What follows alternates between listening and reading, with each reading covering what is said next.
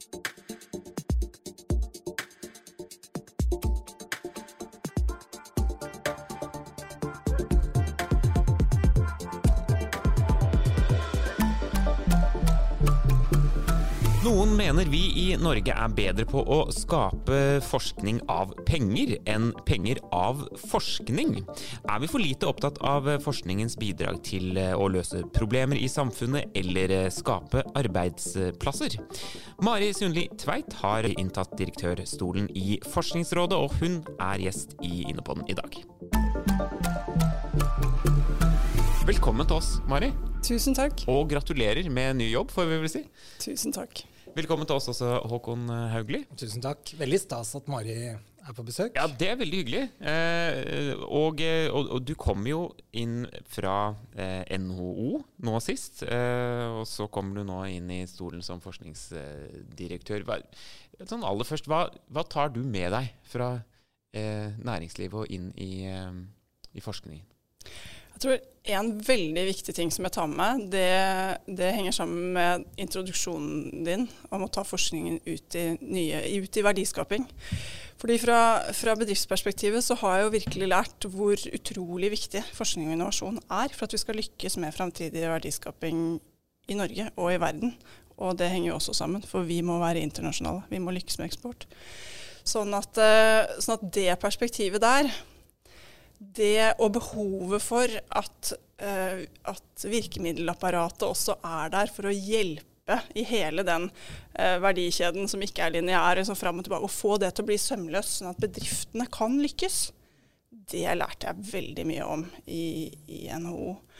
Så, og Det betyr at jeg, jeg, gleder meg veldig til samarbeidet med Innovasjon Norge, og syns det er veldig stas å få lov til å komme og være i Innopoden. Hva, hva, hva, slags forventninger har du til det samarbeidet, da, hvis du kan gå rett på det?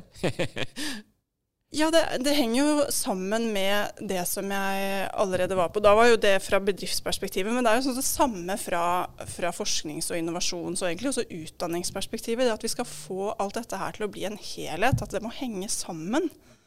Uh, og jeg tenker jo at det er den helheten vi er her for. Uh, og da må vi også hele tiden ha blikk for det. Og så betyr jo uh, det samtidig at vi har jo, vi har jo måtte, roller i den helheten som er tydelige, og, og, og hvor noen har mer den kompetansen på det ene området og noen på det andre området. Så, så det er jo et samspill mellom ulike ansvarsområder.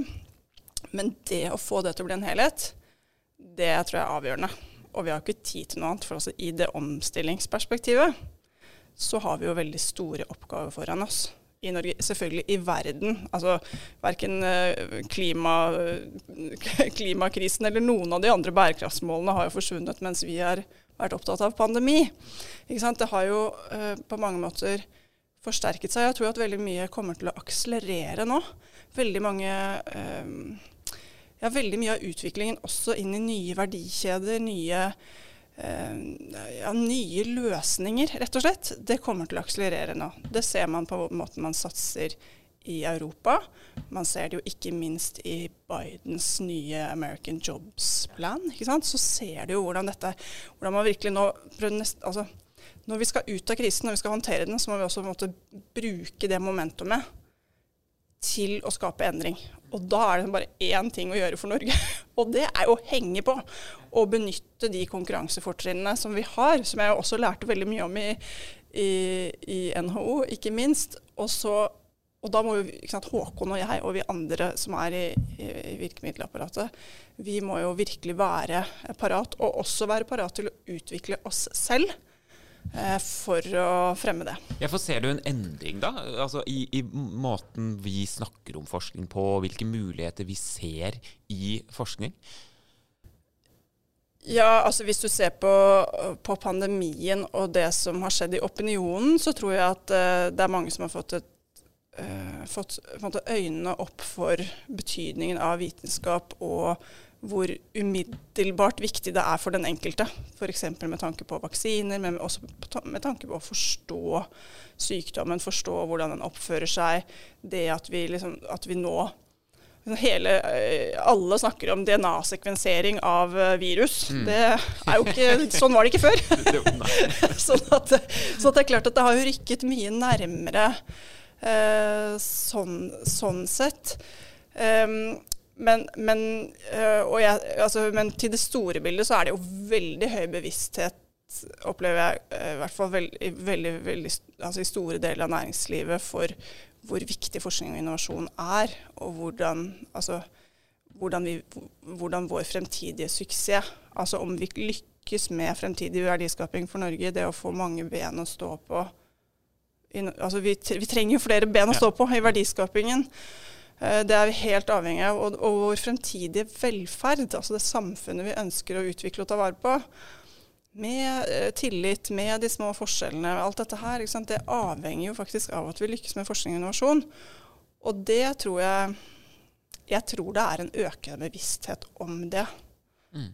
Mm. Håkon, det er jo veldig hyggelig å ha eh, Mari her. Det er jo en av eh, våre aller tetteste samarbeidspartnere. Og vi også, eh, skal jo samarbeide enda tettere. Kan du si litt om hvordan hva skal man si, næringslivet kommer til å merke dette samarbeidet bedre i, i tiden som kommer? Forskningsrådet er kanskje den viktigste samarbeidspartneren for Innovasjon Norge. Og alt det Mari sier om behov for at vi jobber enda tettere sammen, er jeg helt enig i. Og fra en bedrifts ståsted så bør det egentlig være likegyldig om det er Forskningsrådet eller Innovasjon Norge som tilbyr de tjenestene eller virkemidlene de trenger. Og det må være et slags fremtidsbilde for oss, at vi er så godt koordinerte og samkjørte og har en klar arbeidsdeling og vet hvem som gjør hva, slik at fra bedriftenes side er det en lett vei til å realisere deres prosjekt da, med den bistand vi hver for oss eller til sammen kan, kan tilby. Og vi gjør veldig mye sammen, da, bare for å plukke opp noen biter. Altså, vi har over lang tid jobbet med noe som heter Pilot E, som er et uh, eksempel på en, på en måte, vi kan kalle en helhetlig verdikjedetilnærming til nye prosjekter innenfor energiområdet. Den modellen utvides nå til transport. Og det, da, da, er det en, på en, måte en kjede da, fra kunnskapsproduksjon i den ene enden til at løsningene er fullt ut tatt i bruk i den andre. Og så, vi, så, jobber vi nå med Grønn plattform, som er et annet eksempel på som ligner, hvor tanken er å realisere store bærekraftige, eller løfte bærekraftige verdikjeder. Og vi jobber ikke minst på å ta, gjøre de europeiske forsknings- og innovasjonsprogrammene tilgjengelig for norsk næringsliv. Og Der gjør vi noe spennende operativt òg. Vi har etablert et eget EU-sekretariat som vi drifter sammen. Sånn at nettopp da møtet med virkemiddelapparatet skal være sømløst og ikke minst effektivt for mm. bedriftene. Og Jeg tror mange bedrifter opplever at de bruker mye tid på å skrive søknader, og kanskje før det en gang bare navigere i virkemiddelapparatet. Ja, det kan være vanskelig ja, kan oppleves som vanskelig. Ja. Og altså det å forstå at dette er det jeg ønsker å gjøre kommersielt, dette er vårt prosjekt, og fra derfra til å identifisere eh, eller få svar på det helt grunnleggende spørsmålet først, da er det noen hjelp å få. Mm. Og så hvilken hjelp å få. Den, den, reisen må være enda enklere, eller betydelig enklere vil jeg si, enn det den er i dag. Hvordan, hvordan skal dere jobbe da framover også, Mari, for å, å, å synliggjøre at eh, det er gode businessmuligheter i forskningen. Eh, vi var jo litt inne på liksom holdningsendringer til det, men, men, hva tenker dere å gjøre konkret for at man skal bli bedre på den kommersialiseringen av, av forskning? Mm. Ja, nå har jo Håkon allerede vært inne på noen ja. av de tingene som vi gjør felles. Eh, men det er klart at vi skal jo også gjøre mer i den delen av, av den verdikjeden eh, som, mm, som vi, vi, forvalter mer av. Ehm, altså det som er tettere på, eh, tettere på forskning, tettere på prosjektene, eh, altså på forskningsprosjektene på, eh, i laboratoriene og hvor det nå er disse, disse, resultatene skapes. Og det er jo viktig å si at det er jo ikke bare i laboratoriene, det er jo veldig veldig mange steder. Og vi tenker jo veldig bredt på det verdiskapings- og samfunnsendringsperspektivet. Ikke sant? For det er jo ikke bare det er jo ikke bare Eh, dingser og, og, løsninger og nye produkter. Um, det handler også om implementering i et veldig stort perspektiv. Så det handler jo også om at vi må satse bredt på fag, fagområdene. Og, vi, vi, og, det tror jeg er en del av nøkkelen på det, altså til det, nemlig det å satse mer tverrfaglig.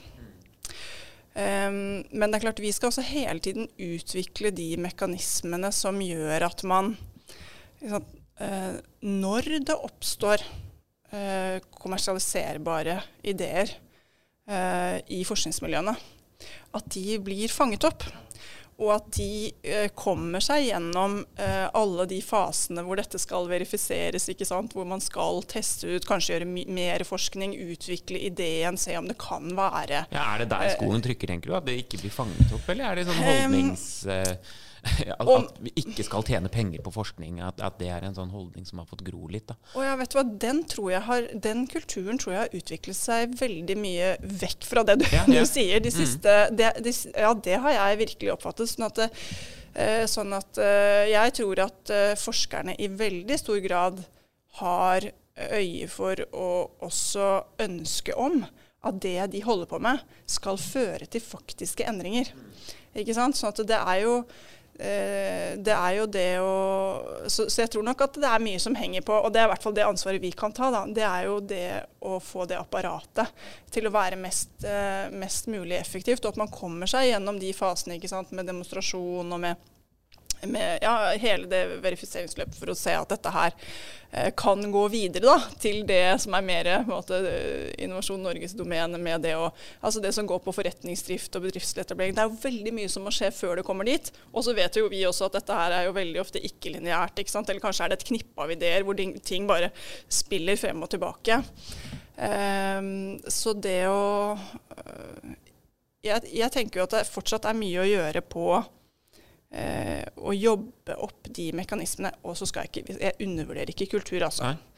Eh, jeg tror helt sikkert vi skal jobbe veldig mye med det også, og ha den der eh, årvåkenheten for at Det er ikke ferdig, det arbeidet? Nei, nei, nei. nei, nei det er ikke ferdig, men det er jo heller ikke Uh, det er ikke en vegg.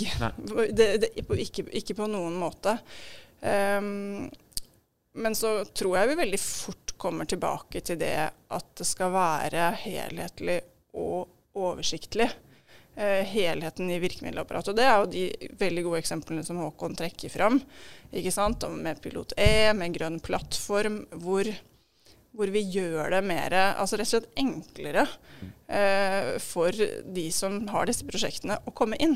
Hvilke gode eksempler har du, Håkon, på de som faktisk har klart dette? da, Å, sette penger på forskning? og... Det kan kanskje være litt sånn utilgjengelig, dette begrepet kommersialisering av forskning. Men bare minne oss om at våre aller aller største bedrifter i Norge i dag har et forskningsutgangspunkt. Altså Norsk Hydro, Yara, Elkem, alle, alle de, bare for å ta et knippe, da, har som utgangspunkt at en Og faktisk det er Birkeland og Eide, da, hvis vi skal være konkrete, hvor en, en forsker og en gründer fant hverandre, og det har skapt enorme verdier for, for, Norge.